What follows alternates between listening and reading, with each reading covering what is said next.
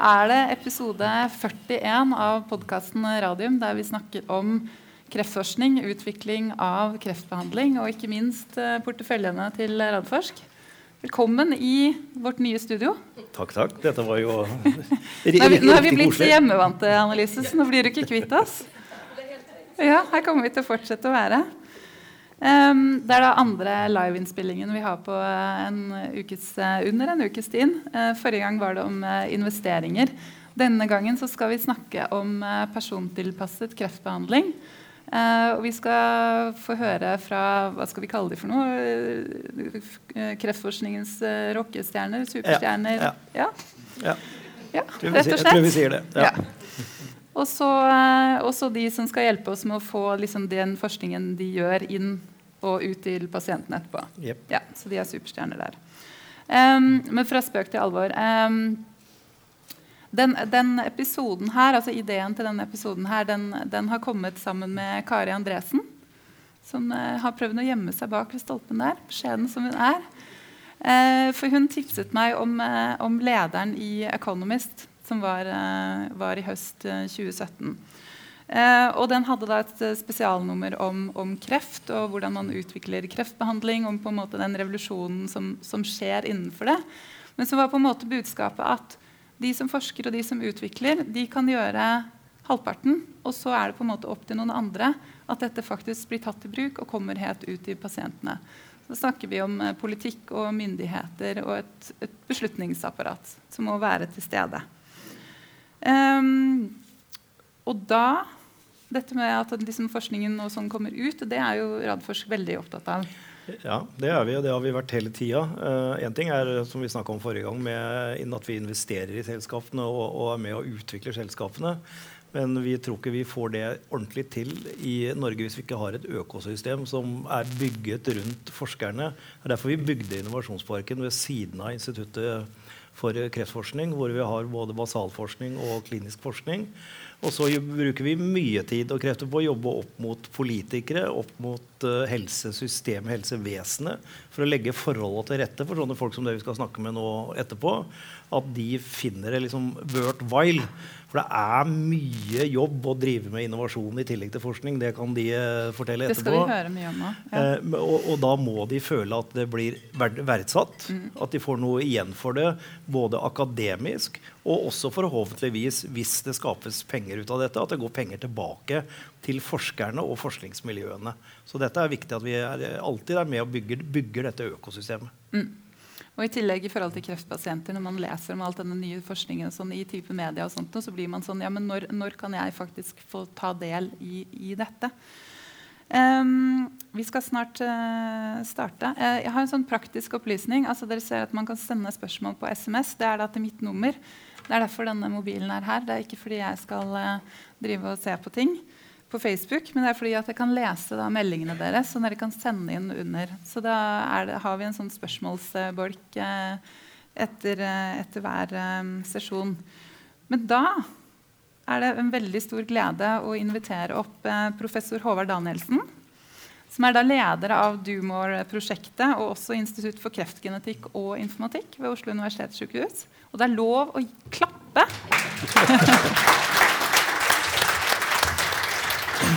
Og så er det veldig hyggelig også å invitere opp professor Erik Fosse, som leder BigMed-prosjektet og intervensjonssenteret, også ved Oslo universitetssykehus.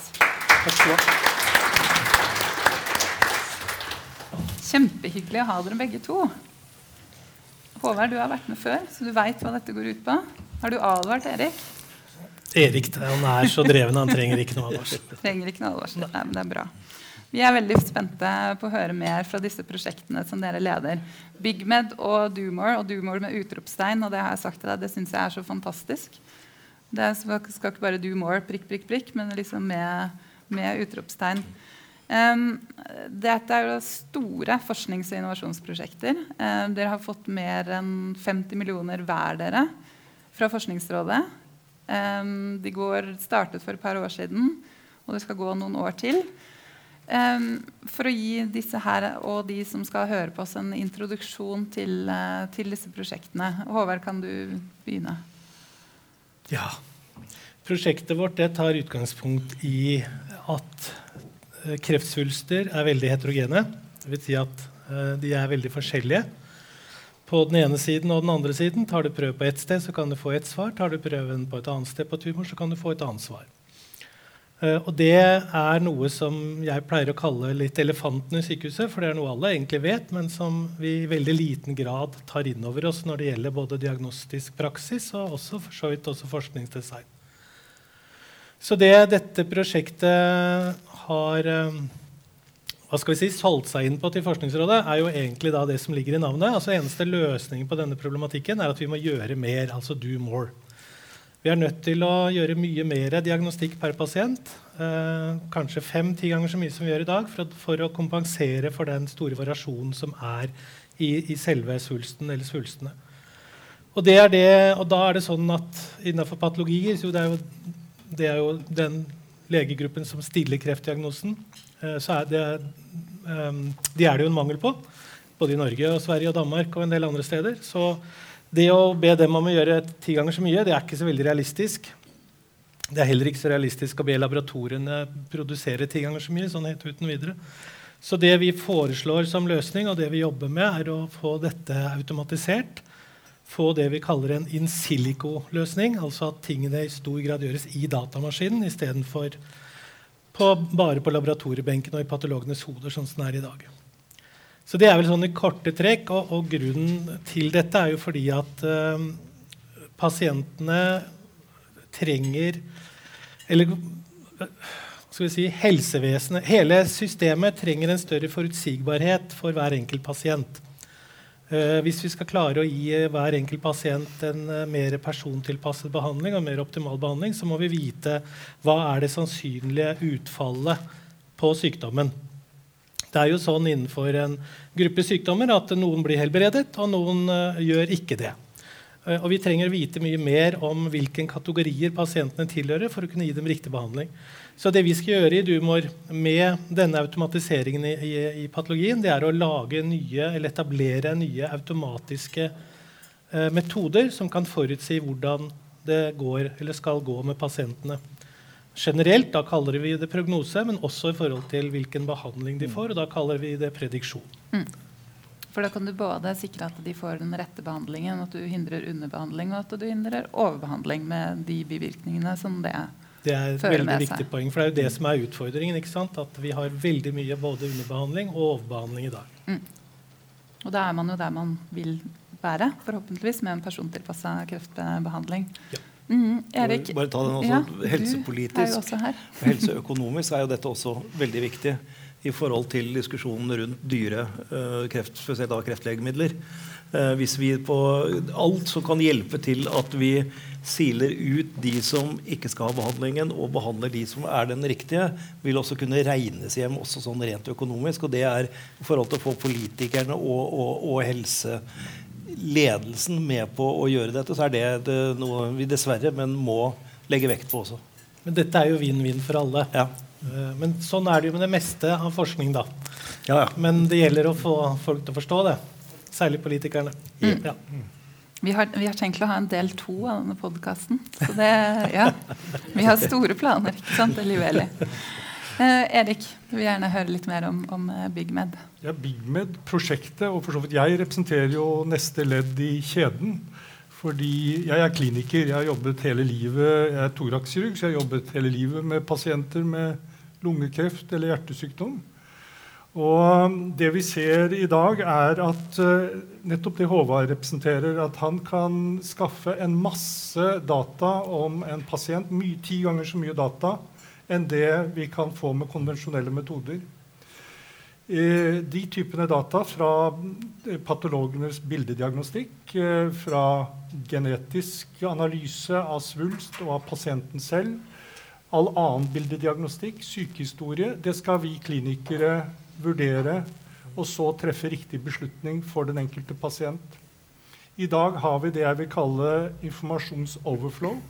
Vi har altfor mye informasjon. Vi bruker bare en brøkdel av det vi kan få tak i om den enkelte pasient, og vi har store problemer med å tolke. fordi at det vi oppdager når vi får mye informasjon, er jo at hver pasient er litt forskjellig.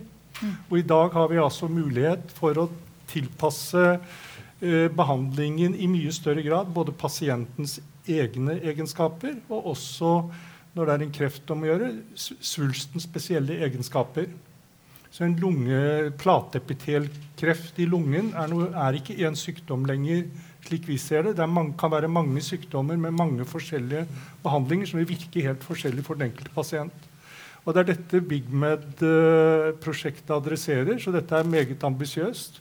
Det er altså dels å, å identifisere flaskehalsene. Hva er det som vi For her er det en rekke utfordringer. Det er fascinerende for meg som uh, kliniker som har holdt på i ganske mange år, at nå oppfatter jeg at det er forskning rundt informatikk og kunstig intelligens som på mange måter bringer uh, klinikken videre. Og jeg er helt enig med Håvard at vi må ha automatiserte løsninger hvis vi skal klare å håndtere de, uh, alle de informasjonene vi har om pasientene. Det vi ser også, er at vi trenger referansemateriale når vi skal um, finne ut av all informasjonen, spesielt den genetiske informasjonen, både om en svulst eller en pasient, så er jo det en desifrering av en kode. Og måten å gjøre det på er jo å ha et panel av kjente pasienter med kjente koder som du så kan matche mot. Ergo så trenger vi å bygge opp systemer for uh, å kunne matche den genetiske koden. Og her møter vi da på en rekke utfordringer. Både teknologiske, på, altså på digital side, men også juridiske. Mm. Og det er dette vi adresserer. Vi tar utgangspunkt i tre pasientgrupper, hvorav en av dem er pasienter med uh, kolonkreft, altså tykktarmskreft med spredning til lever. Og, eh, og, den gruppen eh, vil vi da nettopp vurdere hvordan vi kan eh, altså identifisere beskrankningene både når det gjelder IT-teknologi og juss, for å bygge opp paneler sånn at man raskt kan desifrere kodene og bestemme behandling.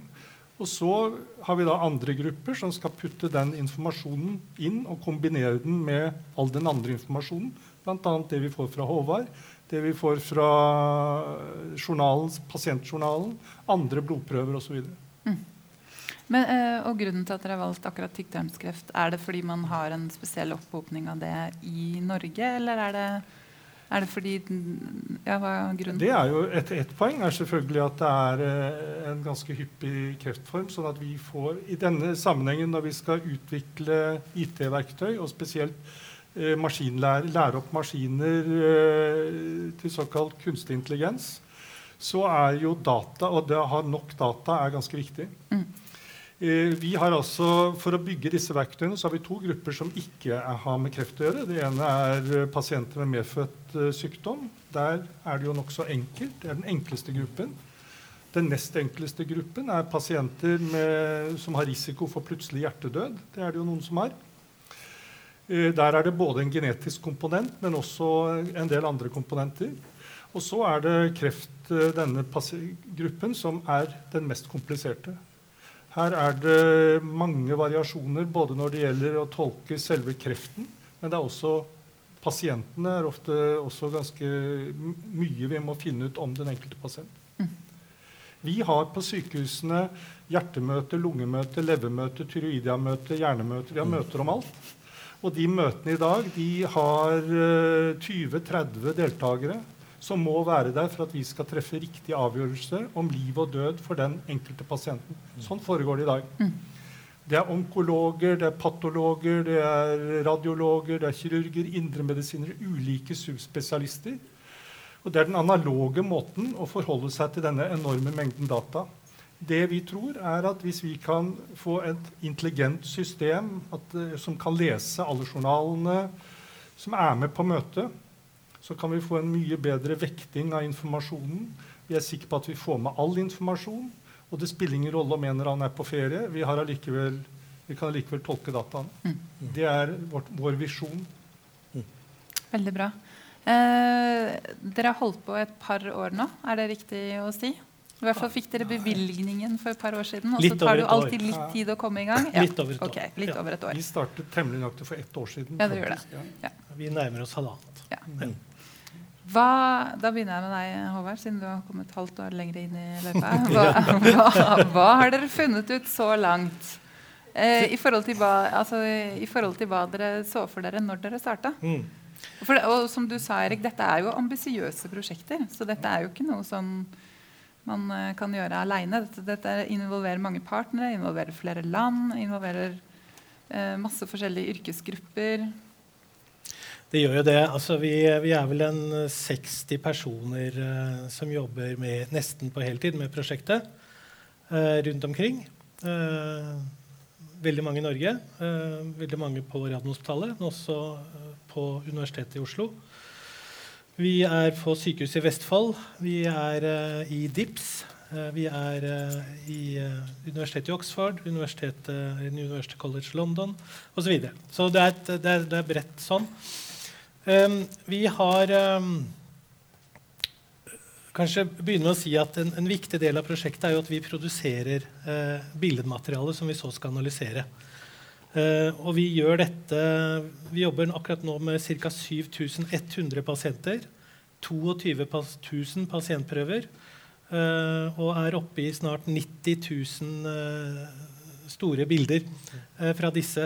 Sånn at en tredjedel av prosjektet vårt handler rett og slett om å produsere nødvendige datamaterialer, sånn at vi har et grunnlag for å gjøre de analysene vi gjør. Så der er vi veldig godt i gang. Vi er helt i rute, og vi skal da i løpet av dette året, litt ut til neste år, så er vi ferdig med hele den produksjonen. Så der er vi for så vidt på plass. Eh, vi har jo også tykktarms- og endetarmskreft som en av kreftformene, i tillegg til prostatakreft og lungekreft.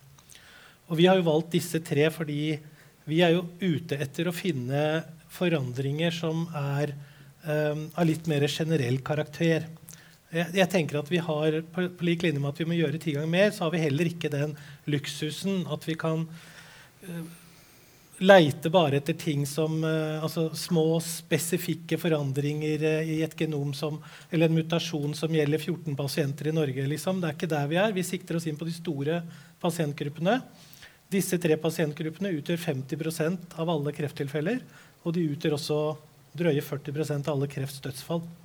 Og så er det jo sånn at Prostatakreft det dør man som, som regel med, ikke sant? Mm. Ikke av. Uh, lungekreft er det dessverre uh, dårligere utsikter på. Og tykktarms-endetarmskreft er sånn midt imellom. Sånn at uh, Planen vår er jo, når vi finner metoder som virker på tvers, altså på alle disse tre, så har vi god grunn til å anta at det vil virke generelt. I hvert fall på det vi kaller solide svulster, altså vanlige, vanlige svulster. Mm. Um, resultatmessig så, så, har vi faktisk gjort det veldig godt. Um, I denne månedens utgave av Lancet Oncology, som jo er et av de aller, aller fremste krefttidsskriftene, så har vi publisert vår første uh, prognosemetode, som heter nukleotyping, og som er basert på at vi ser på endringer i arvestoffet, hvordan arvestoffet er organisert Uh, og der har vi vist at det, den, vi har da lært opp maskinen. Uh, vi bruker uh, maskinlæring, såkalt kunstig intelligens. Så har vi lær, brukt ett datasett for å lære opp maskinen. Og så har vi nå vist da i seks forskjellige krefttyper at akkurat de tingene vi fant i det første, de gjelder og finnes også i alle de andre. Så det betyr at vi har en av verdens første da, generiske prognosemarkører eh, som vi allerede har fått ut eh, og fått aksept for i, i, blant våre kollegaer, og som vi nå da jobber med for å få inn i klinikken. For det er klart, det er jo noe av hovedpoenget her, at vi er nødt til å få dette ut ut fra oss og inn andre steder for at det skal ha en effekt for pasientene. Det er det Erik sier, som er, jo er det store her. Det har vært borti så mange prosjekter hvor, hvor, det er veldig spennende teknologi hvor det er mye data, mye opplysninger, mye som kommer. Og så når vi da går og snakker med dere som sitter i disse møtene eller skal ta disse avgjørelsene, og sier at jo, men eh, det passer på en måte ikke inn i tankegangen. Eller vi har faktisk ikke bruk for denne informasjonen. Sånn at vi får det ikke ut i klinikken, som du sier. Så den, det å hele tiden tenke hele veien ut til klinikken av pasienten, som jeg vet du gjør, det tror jeg er utrolig viktig i dette. Ja, det er det. Og Derfor er det også viktig å se det, det økosystemet og miljøet som du snakka om innledningsvis. fordi at altså Jeg kan presentere mine forskningsresultater uh, internasjonalt. og Det når jeg raskt og godt fram med. Men for at metoden skal bli tatt i bruk for pasienter, så må et annet sykehus skaffe seg metoden. Og det er jo i hvert fall sånn som samfunnet er i dag, ved at de kjøper et eller annet fra noen. Og Derfor så blir hele denne innovasjonsprosessen og kommersielle biten også veldig, veldig viktig. Og den er jo veldig viktig for fyrtårnprosjektene. Mm. Det er jo et premiss fra Norges forskningsråd at dette skal ende opp med med flere typer samfunnsverdier. Um, og det er jo ja, Det, det syns jeg er utrolig viktig å understreke nettopp dette med fyrtårnprosjektene. At da må du legge fram et prosjekt som faktisk skal ende ut i noe. Som er noe som blir tatt i bruk, og som kommer både klinikere og pasienter til gode. Nå trenger vi også fremragende forskningssentre som på en måte hvor hovedoppgaven er å forske og bringe nye forsknings data og, og, måter å tenke på fremover. Men vi trenger også denne type prosjekter som faktisk ikke er vellykka hvis ikke de ender opp i noe. Vi har vært med i andre prosjekter hvor man har laget fantastisk god forskning, og så er på en måte tiden, om det er fem år eller ti år, over. Og så er det sånn ja, og hva skal vi bruke dette til? Nei, så Det er ingen som har tenkt på. Så dette, dette syns jeg er veldig positivt. Nei, dette, Det er jo derfor dette er så morsomt. For det første så at uh, Forskningsrådet har sånne ambisjoner.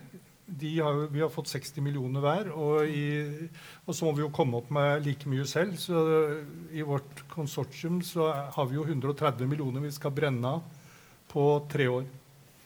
Og, og, det er jo også viktig, det skjønner jo vi som, jobbet, som, jobber i helse, at det er jo de verktøyene som vi skal bruke til å hjelpe pasientene, de må jo være kommersielle. De må, de må jo produseres og, og, være robuste. Det kan mm. ikke være leketøy eller forskning som vi utvikler selv. Det må bli et uh, produkt.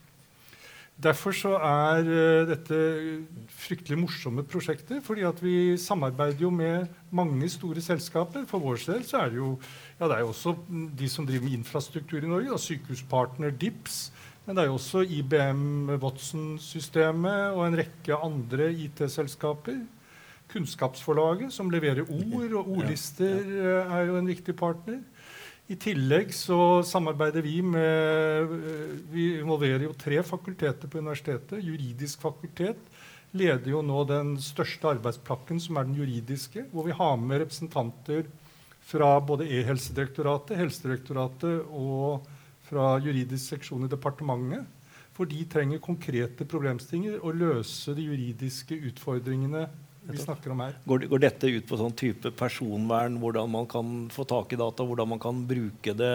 Ja. Eh, fordi det er jo en generell stor problemstilling vi har i, i, det hele, med hvordan vi kan få tilgang til, til materiale, bruke data, personvern, alle disse tingene. sånn at hvis dere løser en del problemer der, så er det noe som kan brukes også generelt eh, på, på, andre områder. og Det er jo viktig. Ja, Det er jo tanken med vårt mm. prosjekt, at det skal løse flaskehalsene som er generelle. Og det er klart Når det gjelder kunstig intelligens, å implementere det i medisinen, jeg vil si også i vårt samfunn, jeg pleier å sammenligne det med da samfunnet for 100 år siden gikk fra, da vi gikk fra hest til bil. Hvor du både må bygge en infrastruktur, det er masse teknologi for at bilene skal kjøre. Men i tillegg så krevde det jo et helt nytt lovverk og en integrasjon av de nye lovene med eksisterende lover. Mm. Til og med fikk vi et eget politi. Kanskje vi trenger bredbåndspolitiet? Ja, det som en analogi kan, til trafikkpolitiet. Hvem vet? Men det er hvert fall, dette er ganske viktig hvis ja. dette skal bli implementert i det hele tatt.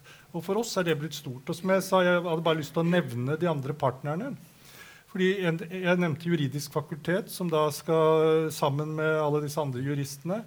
Der kommer for øvrig også juristene i pasientforeningene inn. Pasientene har jo både Pasientforeningen er veldig viktig i vårt prosjekt. Mm. Fordi at de har både en interesse av personvernet, selvfølgelig, men de har jo også en interesse av dette med deling av informasjon, sånn at vi løser problemene. Derfor er eh, Jeg vil si, jeg har aldri hatt et prosjekt hvor f.eks. Eh, pasientforeninger som Kreftforeningen Vi er jo også med Landsforeningen for hjerte- og lungesyke. Men, eh, men, disse foreningene er i dette tilfellet veldig viktige. For de legger, er, må jo være med og legge premissene for de løsningene vi skal ha. Mm, mm. Her dreier det seg om både juss og etikk, og også pasientenes ve og vel. Men nå, da, ca. ett år inn, altså, hva, hva, kan dere vise til? I Vi har, levert en, eh, vi har levert en rapport uh, som vi publiserte for en måned siden, som vi har eh, distribuert til departement og direktorater, som viser, hvor vi har identifisert alle de ulike problemstillingene som eh, vi må løse. Og da er jo jussen bare én av de. Det er jo også datatilgang, eh, rene praktiske teknologiske løsninger. Eh, Det er denne utfordringen med å skaffe, skaffe nok eh, si, informasjonspaneler også internasjonalt for å tolke genetiske data. Så eh, vi har laget en uh, ganske grundig rapport som, uh, som i hvert fall viser hva problemstillingen er. Og så har vi jo begynt å løse de forskjellige. Det, bare det å skape et system som kan lese alle norske journaler og tolke teksten uh, og, som et menneske kan, det er relativt utfordrende. Det er samarbeid for øvrig både med Institutt for informatikk på Universitetet i Oslo og NTNU. Så dette er Både universiteter eh, i hele landet er med på dette. Ehm, men hvis vi da skal snakke litt mer om, om selve implementeringen, altså hvordan skal man få til det? Hvordan skal dette bli, bli tatt i bruk når man kommer da til 2021, der da dere skal være ferdig cirka? Begynner med deg først, Håvard. Jo, for, altså, vi, for vår del så er ikke det så komplisert, fordi de produktene vi lager, er eh, i all hovedsak eh, programvare. Um, det som vi trenger, er at norske sykehus og for så vidt uh, I hvert fall hvis vi tenker på implementeringen her hjemme, Mm. at norske sykehus følger med på utviklingen. Um, når det gjelder patologi, så, så er jo det viktigste arbeidsverktøyet mikroskopet. Det har ikke forandret seg særlig mye på 200 år. Og det må nå ut og erstattes av en digital skanner. Mm. Det er en prosess som er i ferd med å skje overalt nå. Den er også i ferd med å skje i Norge. Vi har nå et nasjonalt prosjekt som ser på liksom, konsekvenser med implementering av dette. Helse Sør-Øst har sagt at de skal implementere det i år. Uh, og da er det sånn at uh, veldig mye av det vi lager, uh, trenger rett og slett bare bilder fra de nye skannerne. Og så kan man da kjøre våre analyser på de bildene. Så sånn sett så vil implementeringen være eh, relativt enkel. Fordi vi, bruker veldig mye datakraft, og sånn, men det er fordi at vi skal igjennom leite etter ting i 7000 pasienter. Når vi først har funnet svaret, og det skal appliseres på én og én pasient, så går det på to sekunder. Så det er rett og slett bare å kjøre en analyse på, på et bilde. Og når jeg sier et bilde, så er dette da et scan som representerer hele, altså alt som man vanligvis ser på i pasientprøven. da. Så det er litt vanskelig å visualisere det her på podkasten din. Men, eh, men eh, det er jo liksom den nye dig digitalteknologien som gjør dette mulig. Sånn at alt en patolog ser i mikroskopet med forskjellige linser og forskjellige forstørrelser, alt er tilgjengelig på den ene fila Mm. som vi da kan analysere. Men, Så- men, men vil det da, for dette er sikkert noe som flere lurer på, vil det da bli implementert her i, her i Oslo, eller vil det bli implementert over hele landet? Det er, det er klart at uh, vi Det vil jo starte med implementasjon her i Oslo og i Tønsberg, fordi vi har uh, Sykehuset Vestfold som partner, og i Oxford og i London. Der er de viktigste, de fire sykehuspartnerne. Der starter implementasjonen. Eh, og så har vi jo med oss eh, folk som er ganske eh, toneangivende innenfor sine områder. Eh, våre kollegaer i England for eksempel, er ledende internasjonale kreftleger. Sånn at eh, når de starter med dette, så vil det bre seg. Og det faktum at vi også får god respons i miljøet ved at vi får gode publikasjoner og sånn. Så jeg, jeg tenker at det er bare et spørsmål om hvor fort kan det gå. Mm. Altså, er metoden god, så blir den implementert. Og det som eh, det som er eh, kan du si, med hele digitaliseringsprosessen, det, det kan jo Erik se mer over. Så det, det som er litt morsomt med akkurat disse to prosjektene sant, er at altså, Erik og jeg har jo jobbet på samme sykehus uh, i, i mange år. Uh, med forskjellige ting, men alltid liksom rota litt borti hverandre fordi vi har vært interessert i teknologi og data. Og så bestemmer vi oss for å, å lage hver vår søknad uten å snakke med hverandre. Og så lager vi to søknader som altså 100% kompletterer hverandre, men hvor det ikke fins overlapp.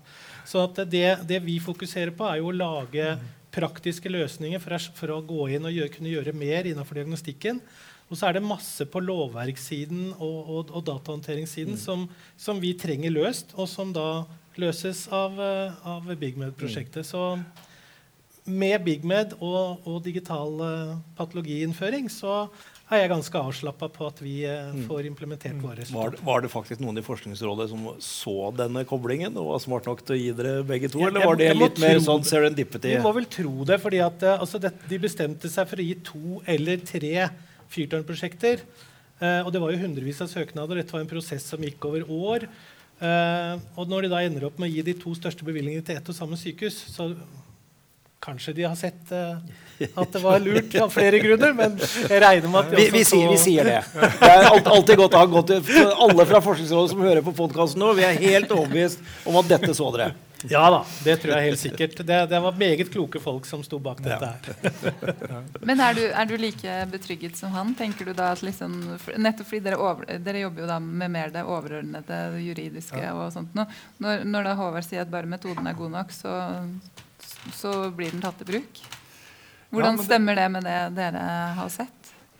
Ja, det, en ting er jo jussen, som er helt klart uh, Igjen, som jeg sier, De utfordringene de er noe som alltid vil oppstå når man får sånne det vi kaller disruptive technologies. Da tar det tid før samfunnet på en måte tilpasser seg den nye teknologien. Så De problemstillingene de vil vi jobbe med, og vi tror at i løpet av prosjektperioden vil vi i hvert fall stake ut en kurs hvor vi har funnet måter hvordan dette skal løses på. Så tror jeg det vil nok ta lengre tid lovverk, både tolkning og i hvert fall hvis det krever nye lover, vil ta mye lengre tid. Mm.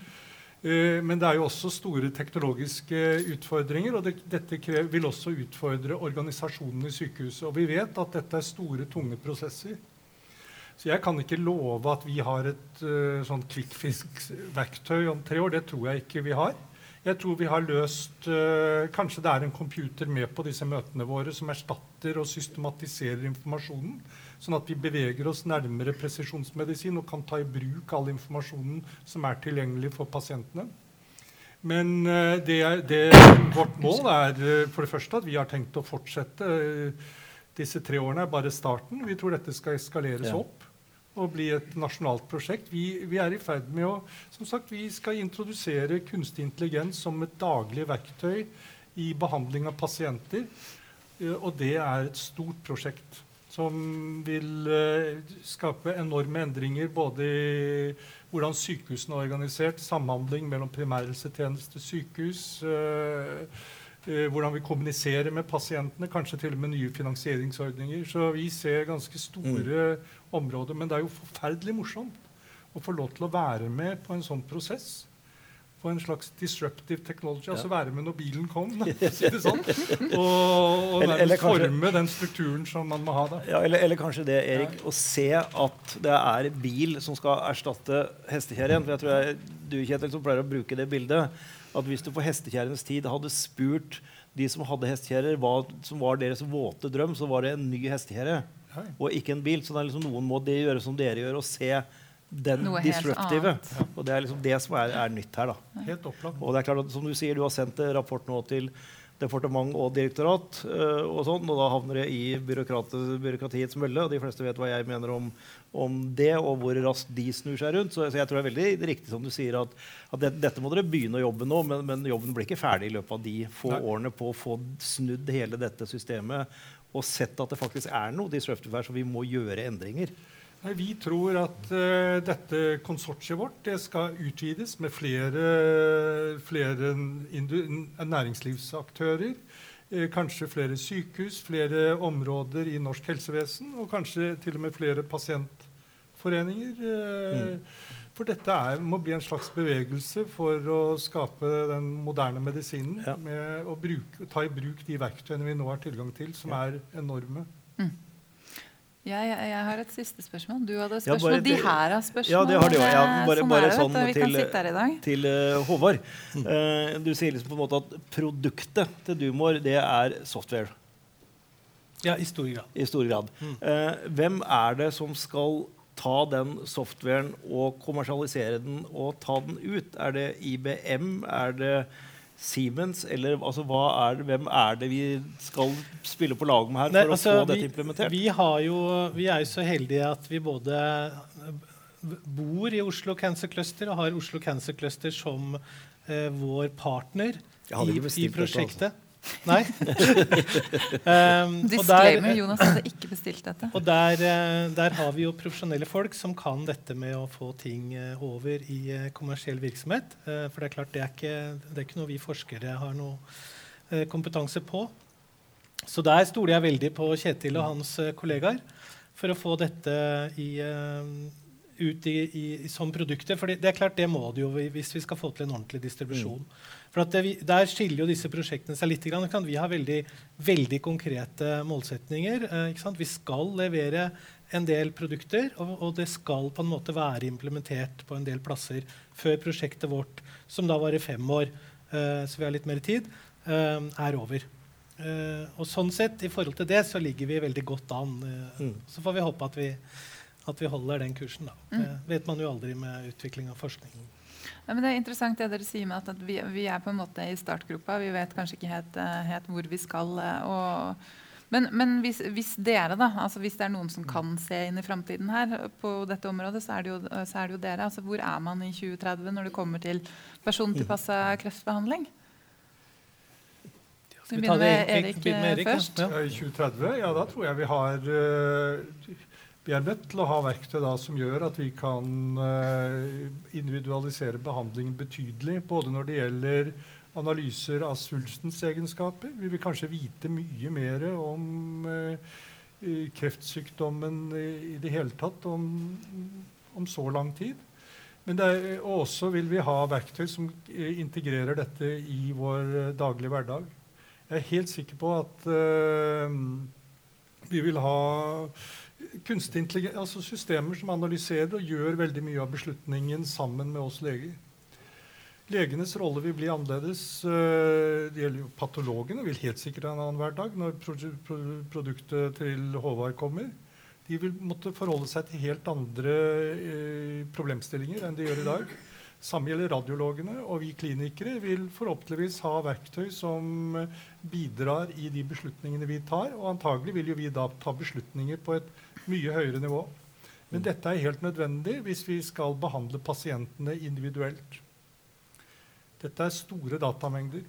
Og nå har vi jo ikke snakket om hva som skjer når alle sensorene kommer, og all den løpende informasjonen som vi kanskje vil ha med pasientene.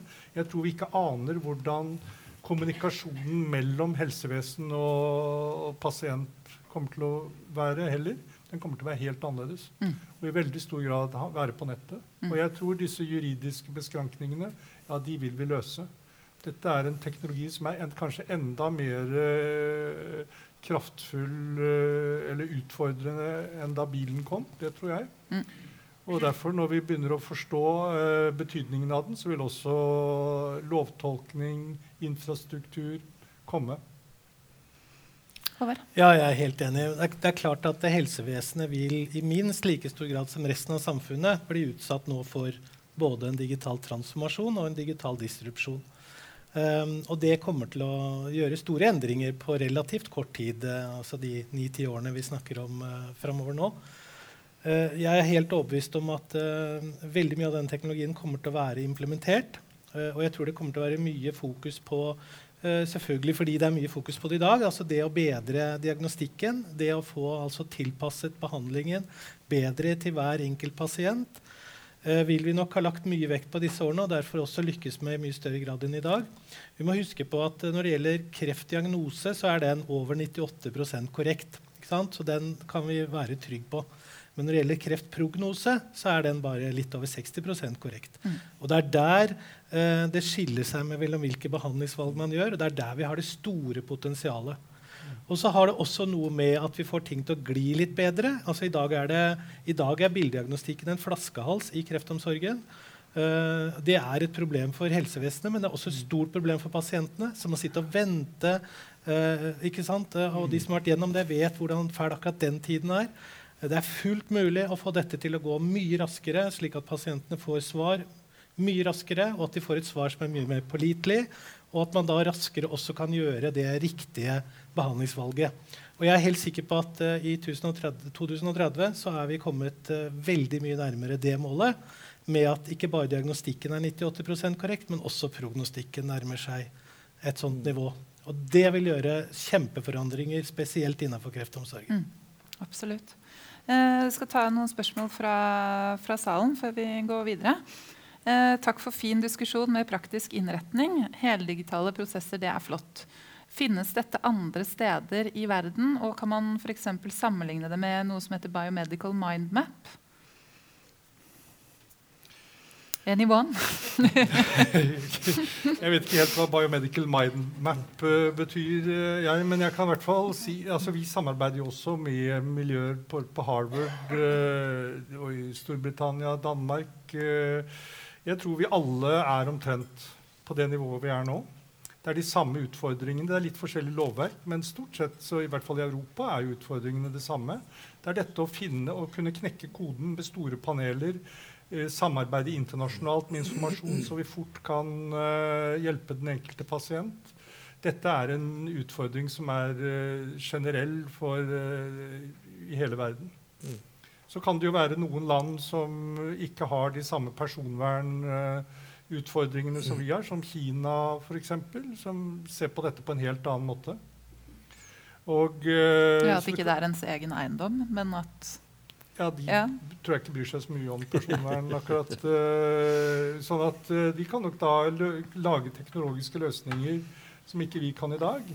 Men vi er jo nødt til også å integrere disse teknologiene i det samfunnet vi lever i, med de verdiene vi har. Mm. Dette er vårt samfunnsansvar. Håvard, har du noe å tillegge? Ja, altså Det, det er um det, det fins ikke noe noenlunde våkent land i, i, verden som ikke jobber med disse problemstillingene i dag, også innenfor helsevesenet. Det som eh, jeg tenker er viktig fra vårt ståsted, jo, og det er jo noe som ligger i liksom, eh, prosjektnavnet, at det er et fyrtårnprosjekt. Altså vi skal ligge i front. Um, og på vårt område så gjør vi det i dag. Um, så det er ingen andre steder i verden hvor de har kommet lenger på akkurat dette feltet enn det vi har gjort nå. Det er vi rimelig trygge på, hvis ikke det er noen som driver helt i det skjulte og ikke deler noe av informasjonen med noen. Det, men uh, sånn pleier ikke vitenskapen å fungere. Ja, så, så, hvis det er det, så, så, for det er klart, Hadde det vært noen som hadde kommet lenger, så hadde jeg vært på besøk der for lenge siden. For sånn fungerer jo det internasjonale forskningsmiljøet. Vi drar og lærer der vi kan. Mm. Uh, og akkurat nå så er det veldig mange som ønsker å lære av oss. Så får vi se, Neste år er det kanskje noen andre. Men, mm. men, vi er mange som holder på med dette. Det er et veldig kompetitivt miljø. Men akkurat nå i hvert fall så, så er vi der vi skal være i front. Mm. Siste spørsmål fra salen. Um, hvis du Håvard, kan si noe om framtiden uh, for patologene når dette da blir implementert. Og du Erik, det samme med, med, altså med kirurgien. Hvordan skal man rett og slett forberede framtidens doktorer på, på, dette? Flott spørsmål. Ja. Og ikke første gangen jeg får det. Fra Patologiforeningen. ja. Det er klart at uh, patologene, som alle, de aller fleste andre uh, spesialistene innenfor helsevesenet, kommer til å få en forandret arbeidsdag. Men nå er det sånn at for det første så er det en generell mangel på kompetent helsepersonell. Befolkningen blir stadig eldre og eldre, sykere og sykere. Så de som tror at denne digitale disrupsjonen gjør patologene arbeidsledige, de tror jeg tar helt feil. Mm. Patologene får litt andre arbeidsoppgaver. De blir mer som en blir de del mer som eksperter?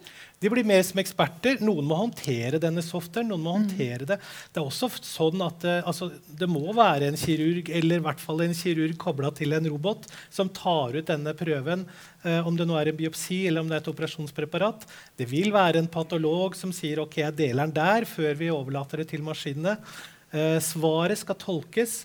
Vi kommer til å lage, og Der kommer Erik og jeg til å samarbeide på å lage kliniske beslutningsstøttesystemer som sier hvilken av disse verdiene eller, eller informasjonen er mm. viktigst. Men til syvende og sist så må det være et intelligent, ikke et kunstig intelligent, men et ordentlig intelligent menneske med god og lang erfaring som, som, tar konsekvensen, som tar avgjørelsen og bringer dette til pasienten og de andre klinikerne. Jeg tror rett og slett bare at de kommer til å få en mye mer spennende hverdag. Mm. Ja, Hva betyr det for kirurgene? Mm -hmm. ja, Da har jeg lyst til å for så vidt uh, ta utgangspunkt i den ene pasientgruppen vi har. Da, pasienter med tykktarmskreft med levermetastaser. En relativt, relativt vanlig tilstand i Norge. Og da jeg begynte min kirurgiske karriere på slutten av 70-tallet, Da var det å få eh, metastaser fra tykktarmskreft til lever det var en dødsdom. Vi hadde ingenting. Vi prøvde med cytostatika vi hadde da, men operasjon var helt utenkelig. Så begynte vi på 80-tallet å operere disse pasientene med å åpne buken og skjære med en kniv i leveren. Det er jo som å skjære i smør, som blør noe voldsomt. Vi bestilte 30 blodposer hver gang vi hadde en sånn operasjon. Og, men noen pasienter ble jo kurert av det. Men noen døde også. Så veldig, en veldig vanskelig og dramatisk utvikling. Så kom eh, kikkhullskirurgien eh, på ja, utover 80- og 90-tallet. begynte vi å operere disse med kikkhullsteknikk med små kameraer. I dag så behandler vi 60% av disse pasientene med kikkhullsteknikk. Det blør aldri en dråpe. Vi har instrumenter som gjør at vi kan skjære i lever uten at det blør noen ting.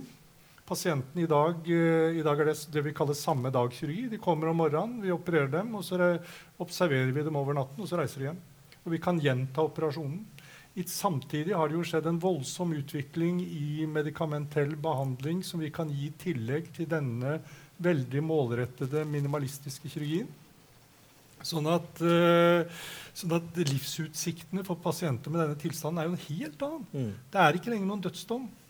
Det er snakk om kanskje valg av uh, litt ulik behandling og fortsatt nesten 50 for å, for å bli kurert, selv om det har fått da, den spredningen. Det er jo en uh, voldsom utvikling. Og jeg tror, og det er på den måten man må se det. For det, det er nok en del patologer og radiologer som er litt redde for at denne tolkningen, for de kan ikke se for seg at de skal gjøre noe annet. Men hvis vi ser på oss selv historisk Det er jo ingenting som gjøres sånn som da jeg begynte på 70-tallet. Alt er jo annerledes. Mm. Og, det er teknologier vi tar i Vi må tilpasse oss og ta i bruk teknologiene til pasientenes beste. Og da ser vi jo enorme resultater. Som sagt, Dette eksempelet her er jo etter min mening et, det, det, som, det, gjør meg øh, veldig glad hver dag, egentlig. For jeg, disse kikkelsoperasjonene gjøres hos oss. Og jeg tenker jo på den historien jeg har vært gjennom. Jeg synes det, er, øh, det gir meg en tro på at det vi driver med, å tilpasse oss teknologien, har en voldsom mening. Mm. Det, men vi, at vi kommer til å gjøre ting på en annen måte enn før, det er helt sikkert. Mm. Og det som er viktig for oss, er jo øh, Vi har jo valgt dette yrket for å behandle pasienter. Kan vi kurere pasienter, og vi ser at de kan også komme gjennom dette med mindre belastning enn det vi hadde før, så er jo det vår suksess.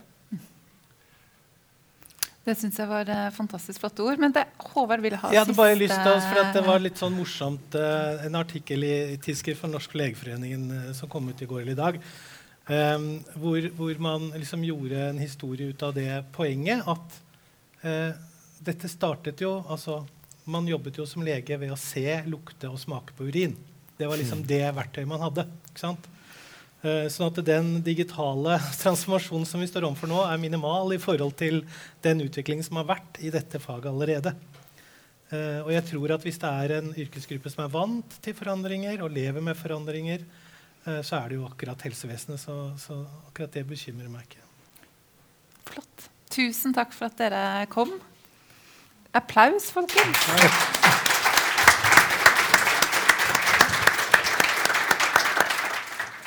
Flotte greier. Da er det veldig hyggelig å ønske velkommen til del to. Og da har vi med oss generalsekretær i Kreftforeningen, Anne Lise Riel. Applaus. Og daglig leder i Oslo Kattecluster, Kjetil Widerberg. Velkommen. Tusen Eh, vi skulle egentlig snakket veldig mye om implementering i Sykehus-Norge. Men eh, altså, Sigbjørn Smevland var invitert, men kunne ikke komme, for han sitter i møte med hele instituttledelsen. Så da, da gjør vi ikke det. Da skal vi snakke litt bredere her.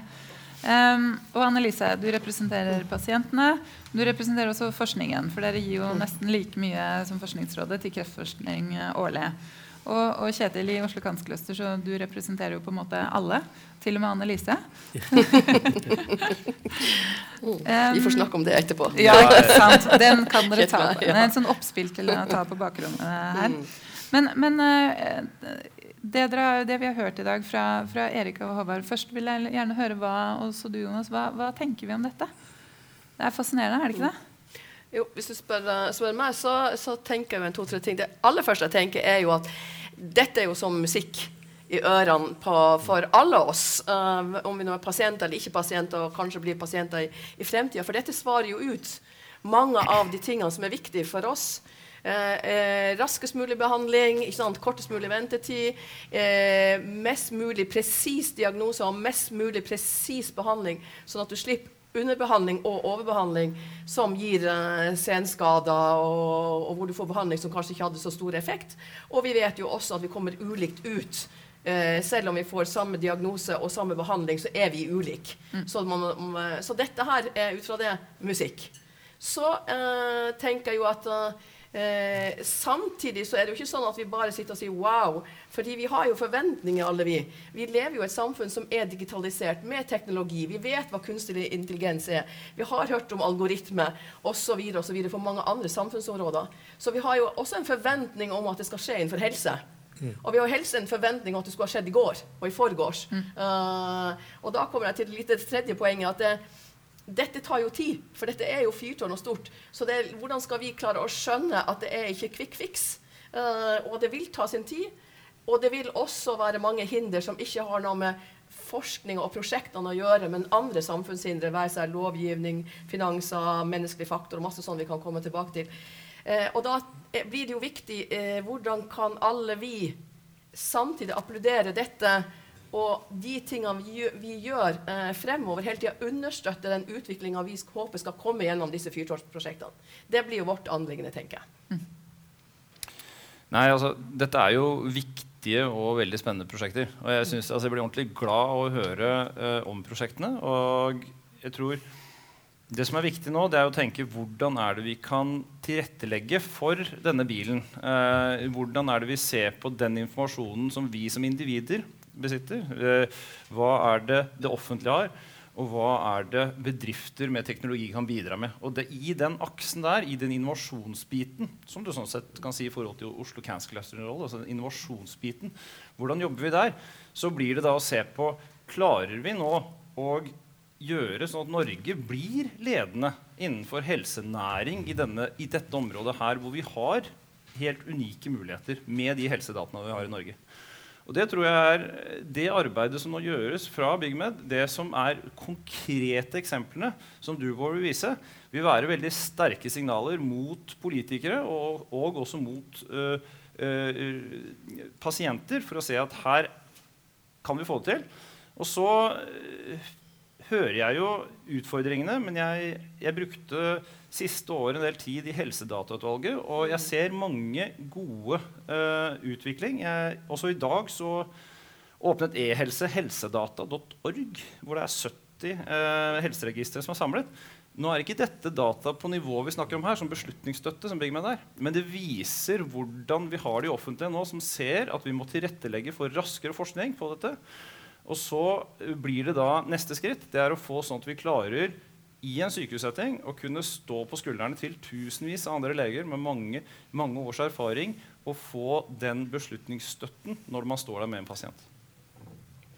Ja, altså, punkt én, Jeg, jeg syns jo det er så fantastisk morsomt å se på dette. Og det viser jo litt hvordan vi er og har vært i Norge og forskerne våre med å tenke nytt og tenke fremover. Jeg har liksom tråkka i disse korridorene nå i snart 18 år.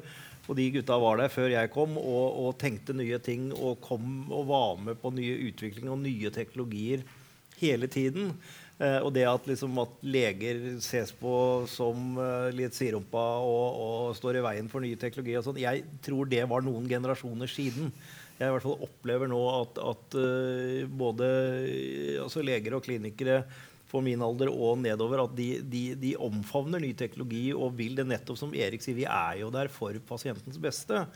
Og da er det det som kommer opp nettopp med dette, det er hvordan kan vi utnytte dataene fra dagens pasienter og gårsdagens pasienter for å behandle morgendagens pasienter på en bedre måte.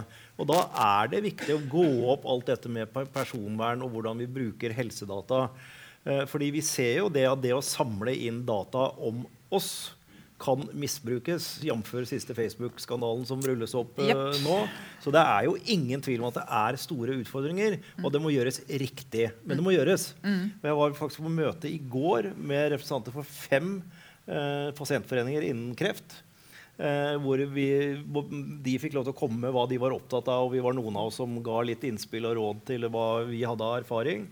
Og det de var mest opptatt av, det var ikke å ta vare på eller, eller, eller eh, skjerme om sine helsedata. Det var hvordan kan våre data brukes på en riktig måte, sånn at det kommer fremtidspasienter til gode. Så det er ingen tvil om at jeg har i hvert fall den oppfattelsen, det kan Annelise si noe om, at pasientene, kreftpasienter som både har blitt friske og som fortsatt er syke, de ønsker at disse dataene skal brukes.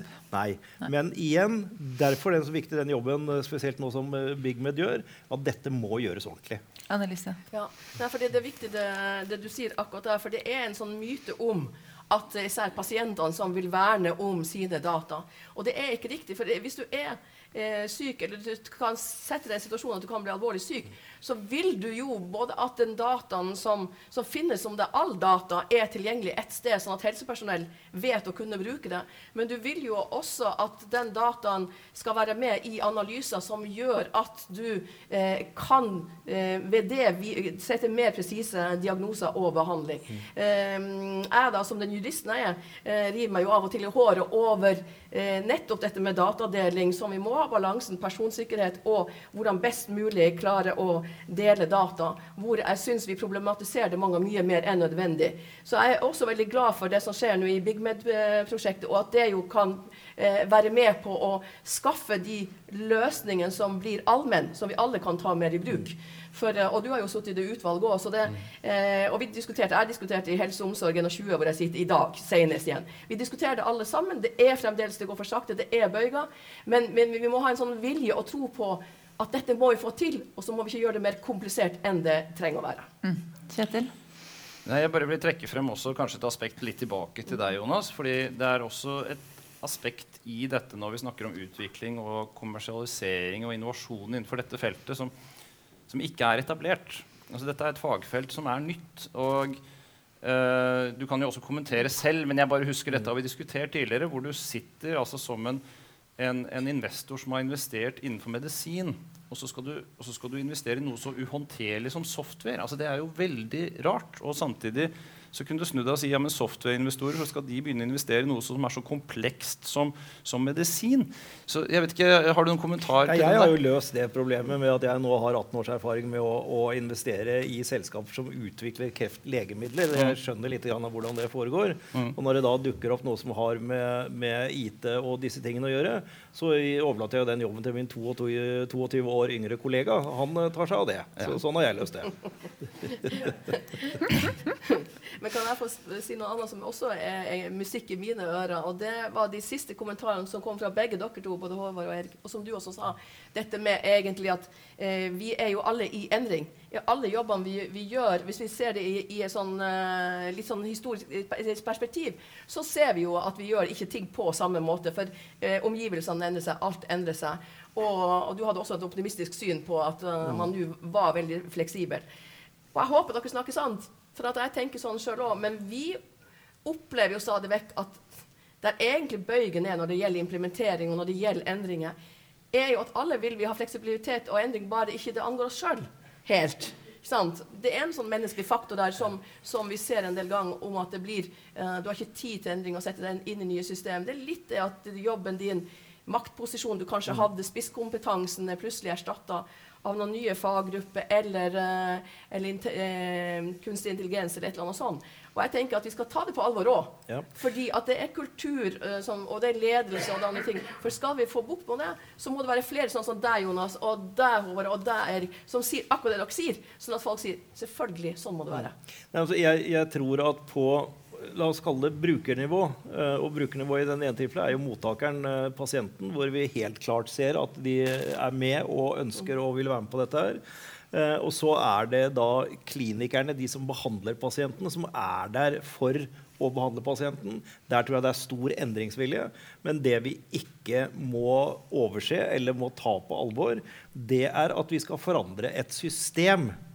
Vi skal forandre noe innen et etablert system som går helt fra departement gjennom direktoratbyråkratiet og ned i ledelsen av de store sykehusene, som er opptatt av sine budsjetter og sine båndlinjer. Og, og, jeg forstår det, og har alltid sagt at jeg gjør det, men vi må ikke glemme at vi skal, hvis vi skal endre det inni det systemet, der er det jobben Ja. ligger. Og, og det var jo akkurat det den lederen i Economist adresserer. Altså, dere forskere kan gjøre så og så mye, og dere kan egentlig løse, det, altså, løse Gjøre kreft til en eh, mer kronisk sykdom eller helbrede den for ganske mange. Men, men hva så? Og så, så må det jo ut. Og er, vi da, er vi gode på dette i Norge? Er vi dårlige? Altså, hvordan ser det ut? Jeg, jeg, jeg, Jeg håper det var det du skulle svare på, Kjetil. ja, eller jeg, jeg, ville, jeg ville på en måte sagt litt sånn når du ser på hvordan Man kan tenke litt sånn som røykeloven, egentlig. Ikke sant? Altså, det er Ja, den ville ingen ha. Nei, ingen ville ha den. Altså det, Det og, og man må også se litt på når det gjelder dette med hvordan er det vi skal få presisjonsmedisin, da, som dette dreier seg om. Hvordan skal vi få det til å være en del av vårt helsesystem og den samfunnskontrakten som vi har i Norge mellom eh, pasienter og befolkning og vårt helsevesen, så tror jeg at man må tenke litt på at vi har tross alt en, en blandingsøkonomi i Norge som gjør at vi også kan planlegge for lengre tid, og ikke alt må tas organisk inn i den daglige driften i sykehusene. Disse prosjektene er jo noe som prøver på det, men det er på et forskningsperspektiv. Og jeg tror man må se på samme måten på implementeringen av det. Og da kan man si det sånn at uh, nå, er- nå er det ikke så mange politikere her, så jeg skal ikke gå langt ut Men det er del to, skjønner du. det er del to, ja. Ja. Fordi det er klart Ja. at hvordan Vi liksom opp. hvordan vi, sånn. Hvordan, hvordan vi jobber med presisjonsmedisin og innføring av det i Norge, det, uh, det har ikke vært bra nok så langt. Og, og det er klart at der kan man se på uh, Der må det betraktelig sterkere lut til fremover.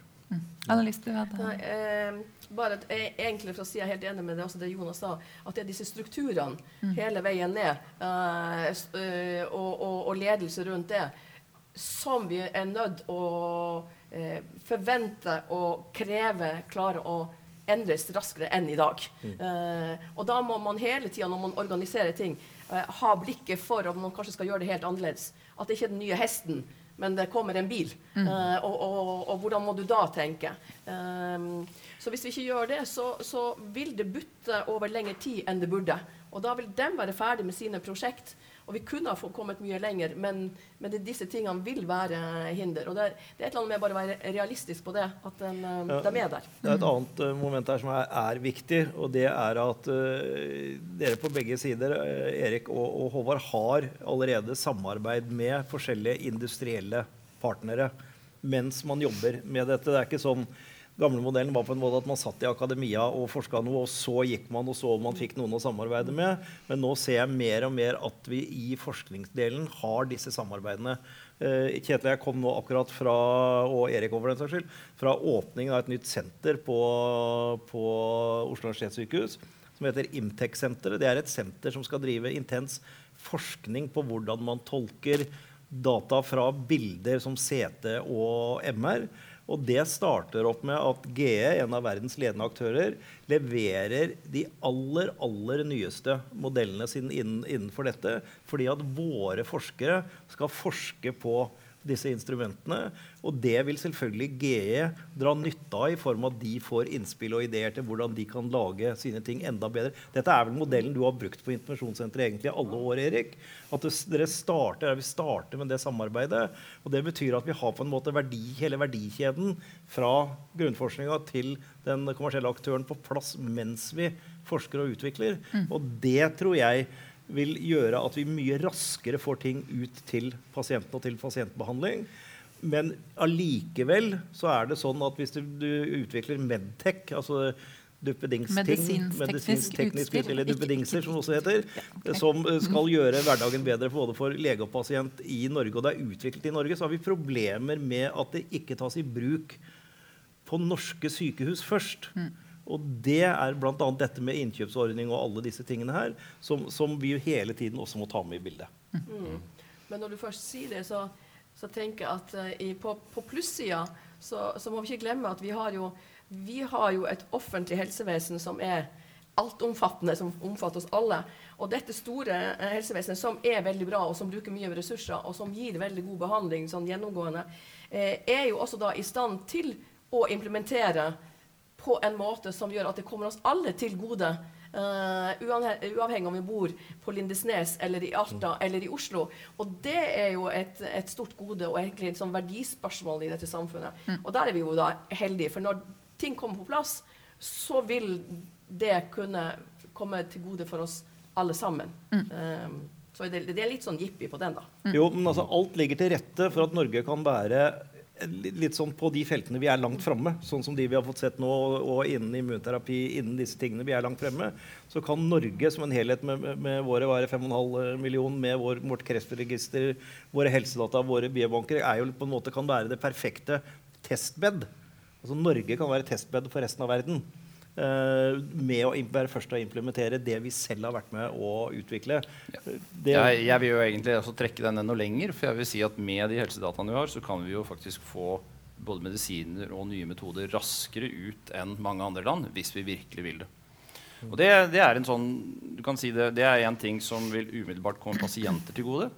Men det vil også være veldig attraktivt for uh, nærings- og innovasjonsdannelse uh, i Norge. Og vi vil tiltrekke oss internasjonale forskere. Forskere, og, firmaer. Og entreprenører, firmaer. Så, så det, vi har, vi har altså For å bygge en helsenæring i Norge Jeg håper at denne helsenæringsmeldingen blir litt uh, ordentlig sånn kjøtt på beina og litt bold. La oss si det sånn at Jeg satt senest i hele dag sammen med Helse og Omsorg 21-rådet og diskuterte hvilke innspill vi skulle komme til, til i denne meldinga. Ja, det er bra. men det har jo alle dere andre gjort også over lang tid. Men jeg tror vi kom på et par glupe nye ting. Det, si, som Håvard, si som Håvard, do more and do it now. Ja. med, med, utropstegn.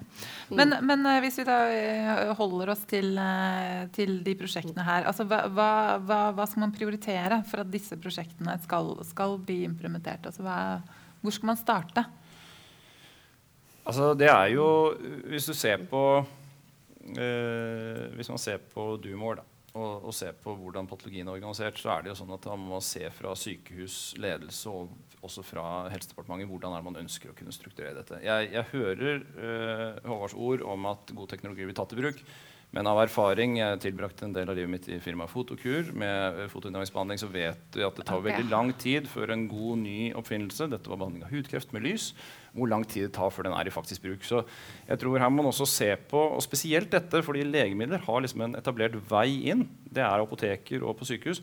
Men disse software-løsningene her disse har egentlig ikke noe sånn helt naturlig plass på hvordan de skal brukes inn på et sykehus. Så, så her er det en, en, en uh, her må det nok noe toppstyring til fra sykehusene. Si at dette må vi prioritere for å få inn. Her har vi metoder som kan hjelpe dette. Og det må inn. Fordi de sertifiseringsordningene som kanskje må til, de eksisterer kanskje ikke i dag. Mm. Annelise? Jeg vil si eh, toppen enda høyere. Eh, enda større, større, eh, større, politisk vilje.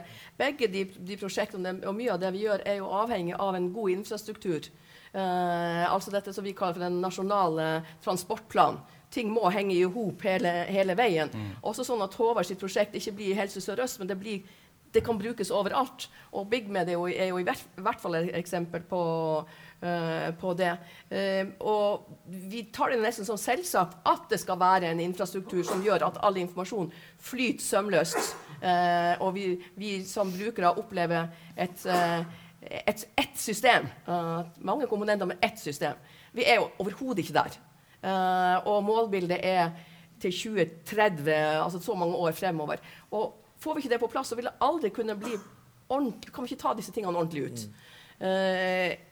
Og du klarer ikke å gjøre det innenfor budsjettene. Ingen av helseforetakene klarer det. Vi er nødt sånn, sånn, altså, å få en politisk vilje til å ta et kjempeløft. Penger eh, som virkelig monner, sånn som vi gjorde på den andre transportplanen, mm. må vi også gjøre på infrastruktur. Og det, eh, det, er et skikkelig løft, men vi må gjøre det. Og alle politikere snakker om det, men de setter ikke tallet om hvor mye penger de er villige til å investere i det. Eh, så politisk vilje til å, være, til å, bruke langt mer ressurser, men også politisk vilje til å styre mer og si at det skal på plass, mm. uavhengig av om dine avskrivningsregler her eller der skulle tilsi noe annet. Det tror jeg på en måte er pri én. Og så er pri to eh, det å få på plass dette med helsedata og de andre tingene, sånn at det også er der. Da har vi reda breda grunnen. Ja. Eh, og kanskje får vi enda flere fyrtårnprosjekter. Jonas?